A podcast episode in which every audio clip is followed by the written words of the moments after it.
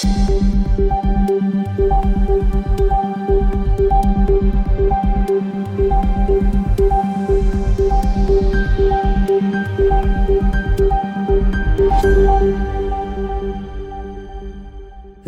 tilbake til Krimnytt, en podkast for deg som ønsker å følge med på aktuelle true crime-saker.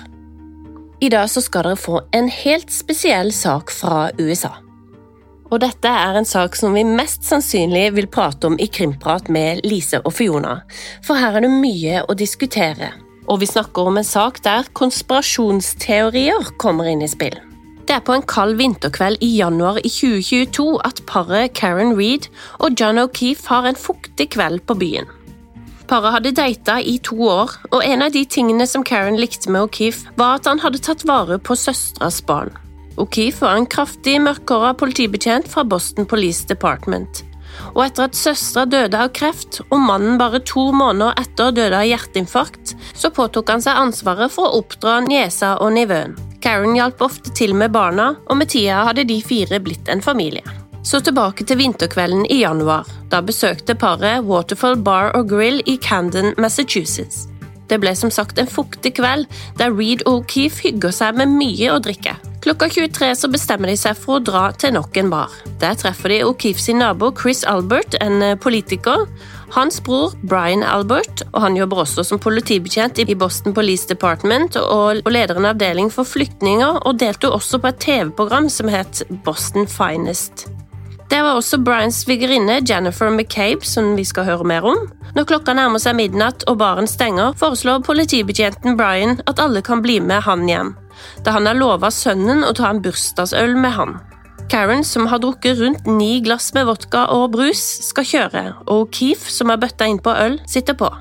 Overvåkningskamera viser at det er god stemning, og det er ikke smådrikking som skjer. Paret kjører en black Lexus SUV og drar hjem til Brian Albert. Og Keef skal angivelig ha gått ut av bilen, mens Karen er usikker på om hun vil gå inn til de andre. Reed forklarer senere at hun dro hjem til kjæresten og la seg på sofaen. Klokka halv fem om morgenen så våkner hun i klærne fra i går og oppdager at O'Keefe ikke er hjemme ennå. Nivøen var på overnatting, mens O'Keefe sin niese sov ovenpå. Reed ble bekymra og ønska å ringe Jennifer McCabe, som var på etterfesten, for å spørre om hun hadde sett O'Keefe. Reed hadde ikke McCabe sitt nummer, men visste at O'Keefe sin niese som sov ovenpå, var en nær venninne av datteren til McCabe. I panikk så vekker Reed niesa og ber henne ringe Jennifer McCabe som svarte at hun heller ikke hadde noen anelse hvor O'Keefe var. Jennifer la da på og ringte Chris Albers sin kone Julie, som bare bodde noen dører unna O'Keefe.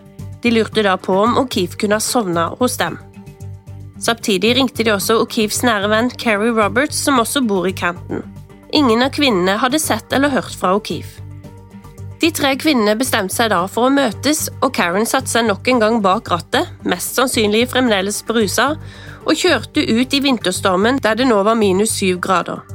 Kvinnene kjørte så tilbake til festen de hadde vært på kvelden før. Da bilen kjørte inn i avkjørselen, så utbryter Karen at hun ser John O'Keefe ligge i snøen.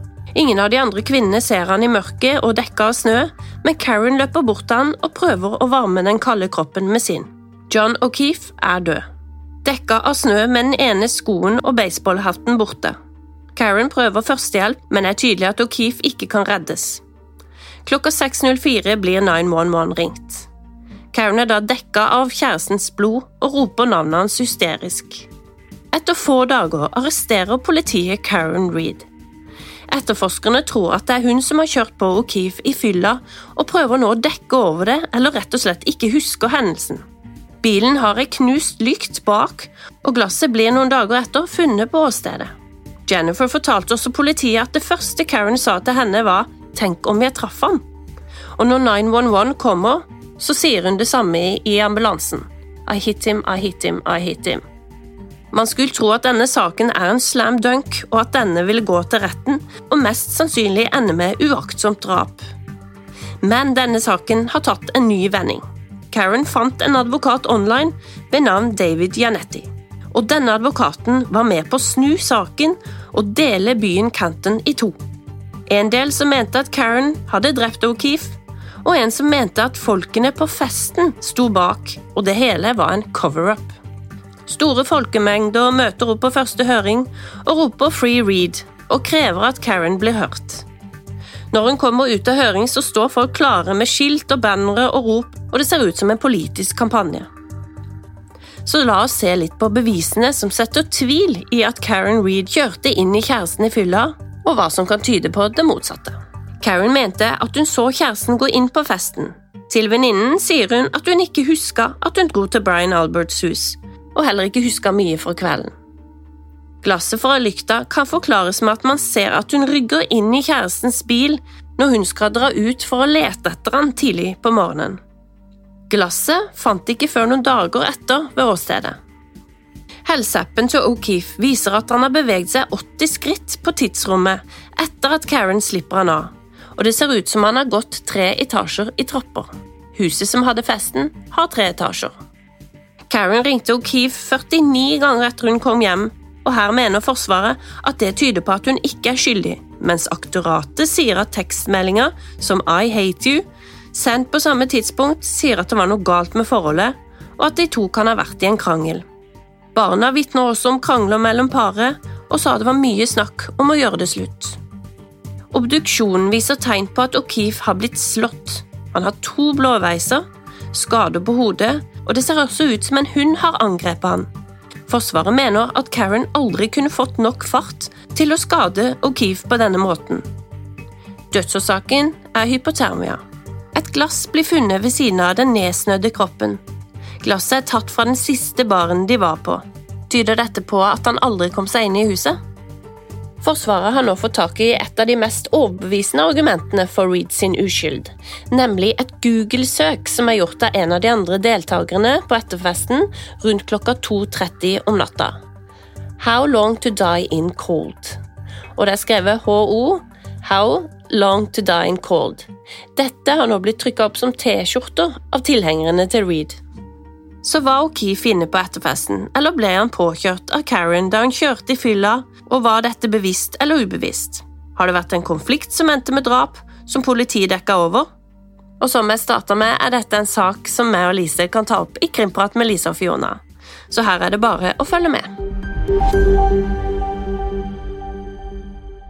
Til slutt i dag skal vi til en helt ny arrestasjon. I juli i år så forsvant 17 år gamle Valerie Tyndall. Tyndall skulle på jobb der hun klippa plen for folk på bestilling, og det var naboen Scott som drev et firma som leide ut denne tjenesten. Valerie kjente Scott godt og pleide å være sammen med barnebarnet hans. Det ble også sagt at de to var venner. Og det var ikke før den 11. oktober at likhunder markerte på en lukt ved en dam i nærheten av Scott sin eiendom, men når søket ble gjennomført, fant de ingenting. En av hundehandlerne fortalte politiet at vann er kjent for å beholde lukt, og at lukten kan ha kommet fra avrenningen til dammen. Forrige tirsdag så fant politiet en stor jordhaug og rusk på Scott sin eiendom, og ved hjelp av spader gravde de opp en rektangulær boks pakka inn i en presenning. Inni boksen fant de menneskelige levninger, og man kunne tydelig se neglene lakkert med oransje neglelakk. Det siste bildet Valerie la ut på sosiale medier, var et bilde med helt lik neglelakk. Patrick Scott innrømmer å ha drept henne ved å kvele henne med et belte, som han senere gikk med den dagen. Han begravde henne så i en hjemmelaga boks på eiendommen. Til politiet har Scott forklart at han drepte henne på soverommet, der hun prøvde å presse ham for penger etter at hun hadde forført ham. Scott er også sikta for falsk forklaring. Det var alt vi hadde i denne uka. Besøk gjerne Krimnytt på Instagram. Og hvis du vil høre lengre episoder, så lytter du bare til Krimprat med Lise og Fiona. Vi høres.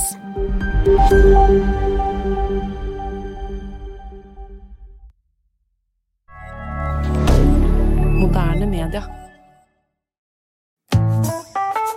Har du et enkeltpersonforetak eller en liten bedrift? Da er du sikkert lei av å høre meg snakke om hvor enkelt det er å sende faktura med fiken. Så vi gir oss her, fordi vi liker enkelt. Fiken superenkelt regnskap. Prøv gratis på fiken.no.